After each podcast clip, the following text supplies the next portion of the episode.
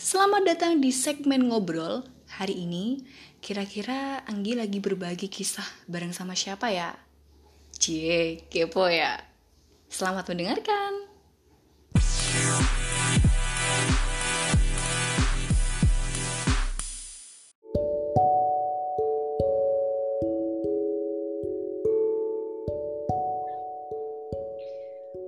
Teman-teman semua, balik lagi di podcast gue di Ruang Kisah bareng sama Anggi pastinya. Dan gue di sini ingin berbagi cerita dalam berbagai sisi dalam kehidupan. Dan semoga kelak kita ada kesempatan untuk saling menceritakan. Dan kali ini Anggi nggak sendiri, Anggi ditemani oleh uh, teman spesial. Jadi awal kenal sama dia itu di salah satu platform Twitter.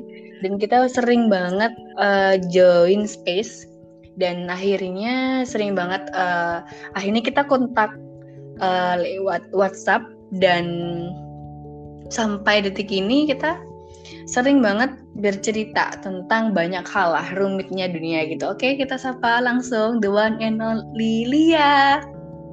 Halo Anggi. Halo, gimana kabarnya Lia? Alhamdulillah baik. Anggi sendiri gimana kabarnya? Kalau aku alhamdulillah sih selalu baik.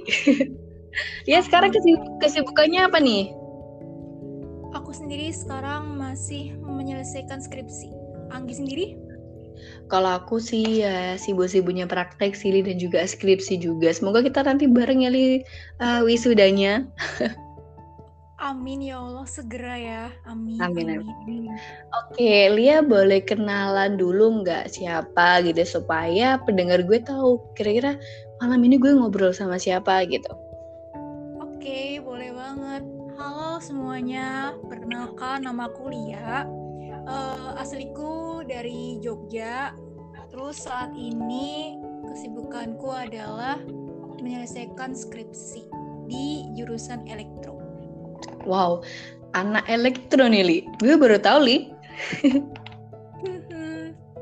iya, Cukup iya. rumit ya kayaknya skripsinya ya, Li. Gimana ya, kalau mau dibilang rumit sih iya, tapi nggak mau bilang rumit, biar dimudahkan. Iya, benar banget. Dan uh, kalau boleh tahu, Lia sekarang nanti stay di Jogja, Jawa Tengah ya gak sih? Bener banget uh, suka duka menjadi mahasiswa apa nih Li? Terutama mahasiswa elektro yang notabene kayak tugas banyak, terus juga deadline cepet dan lain sebagainya gimana tuh? Kalau kesahnya sebagai mahasiswa? Wah, sebelumnya jurusan aku yang sekarang ini tuh waktu pas di awal itu mm -hmm. bukan keinginan aku sendiri sih waktu itu. Waktu mm -hmm. itu kan pilihannya itu kan dari kakak aku kan awalnya hmm. kayak ngerasa gimana ya nggak nyaman tapi karena sudah terlanjur masuk dan udah dijalanin ya ya udah selesaikan aja gitu kalau suka dukanya pasti sama lah ya pada hmm. apa kayak jurusan pada umumnya gitu ya yang penting nikmatin aja sih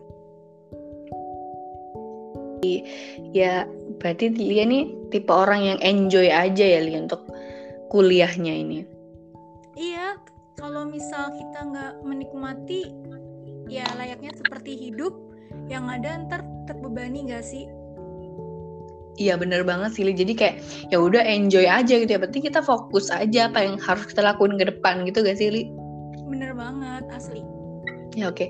Uh, eh, aku kan tadi cerita nih kita kita ketemu kita lebih tepatnya kita ketemu di salah satu platform gitu kayak dari Twitter. Nah, Lia ak cukup aktif nih di, di Twitter di aplikasi itu. Apa sih yang membuat Lia tuh aktif dan aku lihat tweet-tweetnya juga keren banget sih. Kayak kamu suka nulis gak sih orangnya, Li? Gimana ya? Aku dari dulu tuh emang suka bercerita baik secara ngobrol langsung ataupun lewat tulisan kayak gitu. Karena ya menurut aku dengan uh, aku bisa sedikit berbagi sharing pengalaman hidup aku tuh setidaknya apa ya ya itu yang bisa aku berikan kepada orang lain gitu. Mau itu bermanfaat atau tidak itu kan kembali ke orang tersebut. Yeah. Iya bener banget sih. Jadi kayak mungkin gue juga ngerasa gitu sih di kayak di Twitter itu tem aplikasi yang bener-bener satu-satunya sih menurut gue yang kayak ketika kita ngetik apa pun itu tuh ngasih kayak rasa puas gitu loh kayak bisa cerita gitu. Apalagi untuk orang-orang yang introvert gitu ya yang nggak bisa cerita ke orang dan media Twitter ini bisa menjadi ya wadah untuk orang-orang yang bisa cerita banyak hal pengalaman hidupnya gitu. Bener banget sih bener Iya, aku pengen tahu nih, aku kan kenal sama kamu lewat Twitter, jadi kayak belum pernah ketemu secara face to face. Jadi kayak gimana sih li kamu tuh hidup sampai sejauh ini pastinya kan banyak struggle, pastinya banyak cobaan dalam hidup gitu li. Cara kamu untuk survive uh, menjalani hidup yang ya pak pahit manis tuh gimana sih versi kamu li? Waduh, pertanyaannya berat ya. Berat nih, kayak rindu. Aduh. Survive gimana gimana? hidup versi aku. Setiap uh, gini sih, pastinya yang nanti aku sampaikan itu belum tentu sama dengan apa semua orang gitu ya. Setiap orang kan punya prosesnya sendiri-sendiri, bahkan punya caranya bertahan sendiri-sendiri gitu ya. Yes. Ya mungkin kalau aku boleh apa dikasih kesempatan buat izin bercerita, untuk saat ini backgroundku adalah aku seorang yatim piatu. Sudah tidak mempunyai apa papa dan mama almarhum jadi yeah. aku tinggal apa maksudnya cuman punya kakak aja gitu kan tapi untuk di Jogja ini aku hidupnya ngekos sendiri gitu udah dari tahun berapa ya kira-kira uh, kalau nggak akhir 2017 awal 2018 memutuskan buat hidup ngekos. Dan jujur aku bukanlah Lia yang sekarang. Dulu itu masih dikenal kayak manja. Jadi apa apa kayak nggak bisa sendiri. Dulu kan terlalu iya. deket ya sama orang tua ya kan? Yes. terus ya udah ketika semenjak ditinggalin sama orang tua kehidupan aku berubah sangat sangatlah berubah dan di situ usiaku juga belum 20 tahun jadi kalau bisa dibilang aku belum cukup dewasa lah untuk menerima yang namanya suatu kehilangan.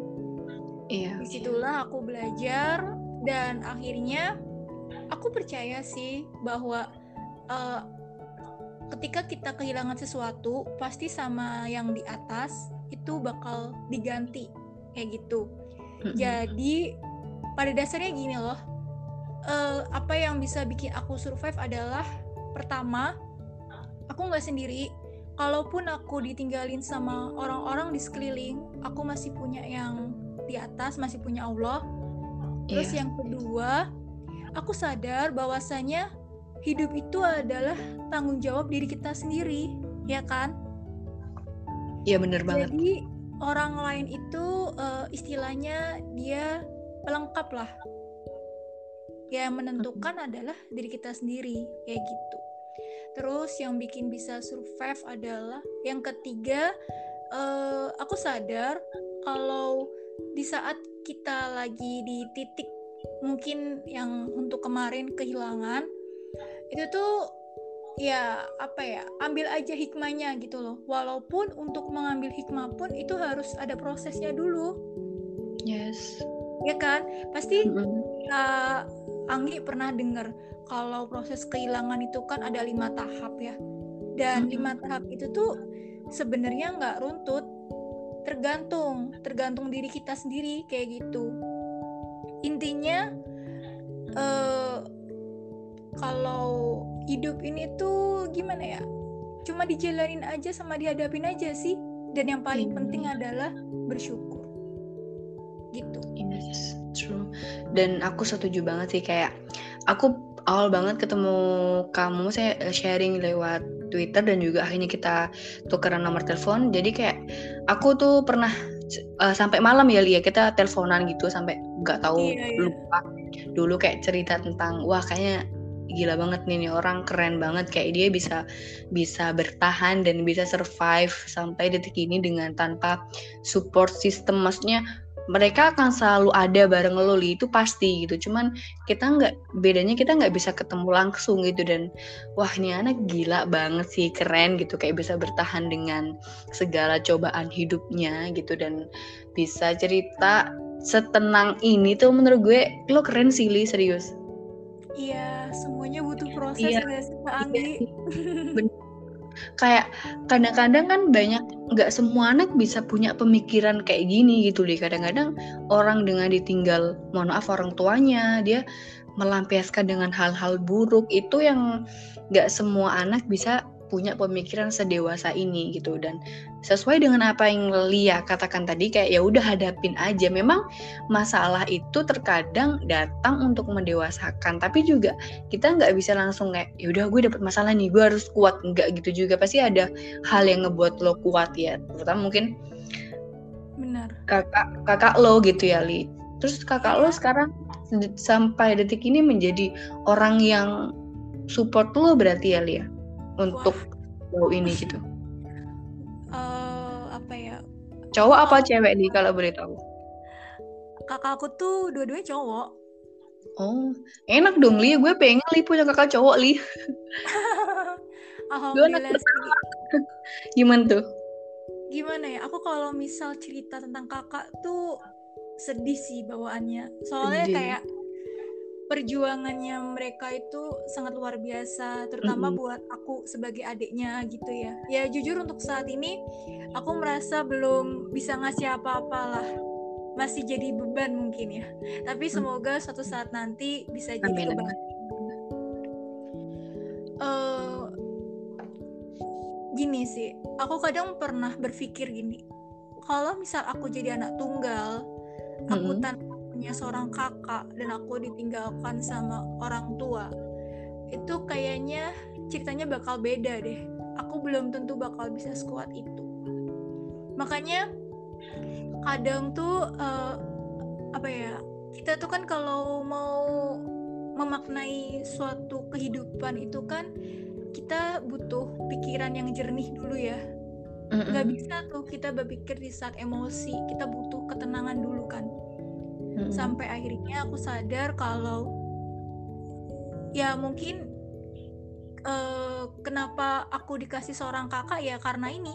Soalnya kebetulan aku sama kakak itu jaraknya jauh jauh banget. Jauh banget ya. Jadi kamu uh, kesayangan gitu lah ibaratnya dan aku pernah tahu di posisi seperti ini uh, kak Anggi. Mm -hmm. aku udah kehilangan orang tua aku belum tentu bakal siap kehilangan kakak. Aku pernah di posisi itu. Jadi kayak aku nggak bisa nih kalau misal uh, aku nggak punya siapa-siapa. Ini dalam arti untuk keluarga terdekat ya. Mm-hmm. tapi di situ aku belajar kalau ya semua ini hanya titipan gitu loh. Semua ini mm-hmm. hanya titipan karena memang pada dasarnya dunia ini hanya sementara. Dia hanya fana gitu. Jadi ya semuanya bakal dipanggil pada waktunya. Kayak gitu. Wah iya sih kayak uh, pastinya kalau misalnya kita dikasih ujian sama Tuhan itu kayak nggak mungkin di luar batas kemampuan kita gitu kali dan gue yakin Tuhan milih lu untuk jadi Lia yang sekarang ini karena lu tuh mampu Lia lu punya value yang gak dimiliki oleh orang lain gitu. Dan ini ini pertanyaan gue bisa lo jawab apa enggak sih? Masa bisa lo jawab atau nggak jawab terserah. Jadi kayak gue pengen tahu titik terendah titik terendah lo selain uh, masalah kehilangan bokap nyokap itu apa sih li? Titik terendah yang buat lo kayak wah nih gue udah nggak bisa banget nih gitu. Dan akhirnya lo bisa survive gitu gimana? Oke okay, ada nih satu titik terendah yang menurut aku jujur aku udah nggak kuat. Itu ketika aku sakit. Uh, jadi kalau misal aku boleh diizinin untuk flashback tahun mm -hmm. awal 2020 uh, eh, Januari itu uh, Allah sempat ngasih aku ujian sakit yang di mana aku juga nggak tahu itu awal penyebabnya kenapa. Terus tiba-tiba uh, waktu pas dicek sama dokter aku sakit ini cuman maaf aku nggak bisa nyebutin sakitku apa kayak gitu kan dan jujur aku kaget sih uh, Kak Anggi karena hmm. penyakitku ini tuh bisa dibilang kayak ujian aku gitu loh. Jadi aku sempat berpikir bahwasanya kayaknya ujian paling terberat aku adalah ditinggalin sama orang tua. Udah cukup sampai di situ, tapi ternyata enggak. Itu aku lagi sakit dan jujur di situ aku juga lagi uh, nyusun skripsi kan. Di saat teman-teman aku pada uh, mereka sibuk dengan skripsi dan aku mengambil suatu keputusan menunda skripsi sekitar satu setengah tahun hanya untuk fokus ke penyembuhan kayak gitu. Karena jujur aku bingung harus gimana. Aku nggak bisa totalitas jadi harus salah satu mana yang harus aku korbankan. Ya udah akhirnya aku mengorbankan skripsi aku demi penyembuhan. Dan di situ aku pernah ngerasa gini sih ke Anggi. Ketika hmm. aku ngekos sendiri uh, apa ya berusaha untuk menguatkan diri sendiri. Jadi itu aku selalu bilang gini ke diri aku ketika aku nggak kuat please tolong li kuat tolong bertahan uh, yakinlah suatu saat nanti kamu pasti bakal sembuh kamu pasti bakal kembali lagi seperti pada awalnya gitu. Istilahnya kamu bakal sehat lagi gitu loh. Ya udah dengan berbagai proses alhamdulillahnya dapat support juga dari orang-orang sekeliling dan mm-hmm yang paling penting adalah yakin. Yakin kalau semua ini tuh pasti bakal ada jalan keluar dan alhamdulillahnya bulan Juli tahun 2021 dikatakan sembuh. Semoga seterusnya begitu ya Kak Anggi ya. Ya amin amin ya Allah. Doaku selalu menyertai Muli Aku jadi netes Nili Sedih. Uh, Oke. Okay. Kayaknya udah cukup banyak dan dalam banget siapa yang Lia sampaikan teman-teman. Jadi kayak ternyata uh, hidup itu ya pasti ada gelap ada terang tapi yakin aja gelap itu nggak akan selamanya dan pasti terang itu ada oke kita udah berjalan 16 menit hampir 17 menit nih dan gue ingin lo tutup dengan apa yang ingin lo sampaikan kepada diri lo sendiri dan juga orang-orang yang uh, membantu lo untuk bisa sekuat ini? Boleh, boleh. Uh, mungkin pesan yang bisa aku sampaikan untuk diri aku sendiri dan buat orang-orang siapa pun yang mendengarkan podcast ini mm-hmm. adalah uh, kita harus sadar bahwa kita tuh nggak sendiri loh. Kita masih punya Allah di saat orang-orang di sekeliling kita itu nggak ada yang support apa pun itu dan uh, kita bisa berdiri di atas kaki sendiri. Walaupun itu juga butuh proses, tapi yakinlah bahwa semua ini pasti bakal berlalu kayak gitu. Karena tadi yang dibilang sama Kak Anggi benar, apa pun yang Allah kasih ujian ke kita itu pasti kita bisa ngelewatinya. Begitu Kak Anggi. Tetap semangat. Kalaupun nggak semangat nggak apa-apa. Seenggaknya ngejalanin aktivitas aja itu udah cukup. Yes. Udah Li, ada lagi Li? Apalagi ya? Udah sih itu aja kayaknya, udah cukup. Wah, keren banget sih jadi yang bisa kita simpulkan. Ini jauh banget sih, Li. Kita biasanya yang baru-baru kok sedih ya, Li. Ih, jangan sedih dong. Oh, gue melu banget aslinya Li anjir. jadi, ya terima kasih sih Lia udah menyempatkan waktunya de, untuk berbagi atau sharing. Semoga nanti kalau gue ajak collab lagi, mau ya Lia? Kalau lo ada waktu ya? Boleh, boleh banget, boleh banget. Oh ya, bentar. Sebelum ditutup, aku mau minta maaf kalau misal tadi ada kata-kata yang kurang berkenan. Itu Oke, saja. Pasti, pasti dimaafkan Koli kalau buat kamu. Oke, aku mau bilang makasih sekali lagi buat Tila yang sudah meluangkan waktunya dan untuk teman-teman semuanya yang uh, selalu dengerin podcast aku jadi kayak ngerasa semoga podcast malam ini bisa menjadi pembelajaran yang sangat luar biasa bagaimana kita bisa menghadapi ujian dari Tuhan dan aku ini pegangan hidup aku uh, yang ingin aku share ke kalian bahwasanya apa pun yang kalian hadapi hari ini, esok dan suatu saat nanti yakinlah semua tuh udah udah ada jalannya. Dan aku percaya li bahwa gelap nggak akan selamanya. Jadi suatu saat entah itu 10 tahun lagi, entah itu beberapa tahun lagi, terang itu pasti ada dan aku percaya itu. Jadi uh, ayo kita ketika ada masalah kita hadapi bersama-sama dan jangan lupa selalu ingat sama Tuhan, sama Allah yang sudah ngasih kita nikmat yang luar biasa sampai kita bisa kuat sampai sejauh ini sampai detik ini dan jangan lupa yang paling penting berterima kasih kepada diri sendiri. Oke Li, makasih banget ya udah luangin waktu kamu sehat-sehat terus, stay okay. happy, stay healthy dan semoga next time kita akan collab lagi dengan dengan tema yang berbeda. Setuju gak Li? Boleh, boleh. Ntar uh, lu kabar-kabar aja, oke? Okay? Oke, siap. Uh, Oke, okay, buat teman-teman terima kasih udah mendengarkan. Tetap jaga kesehatan, tetap jaga hati dan juga pikiran kita untuk selalu positive thinking buat orang-orang, buat diri kita sendiri dan juga orang-orang sekitarnya. Oke, okay, bye-bye Lia. Thank you so much. Bye-bye semuanya. Terima kasih.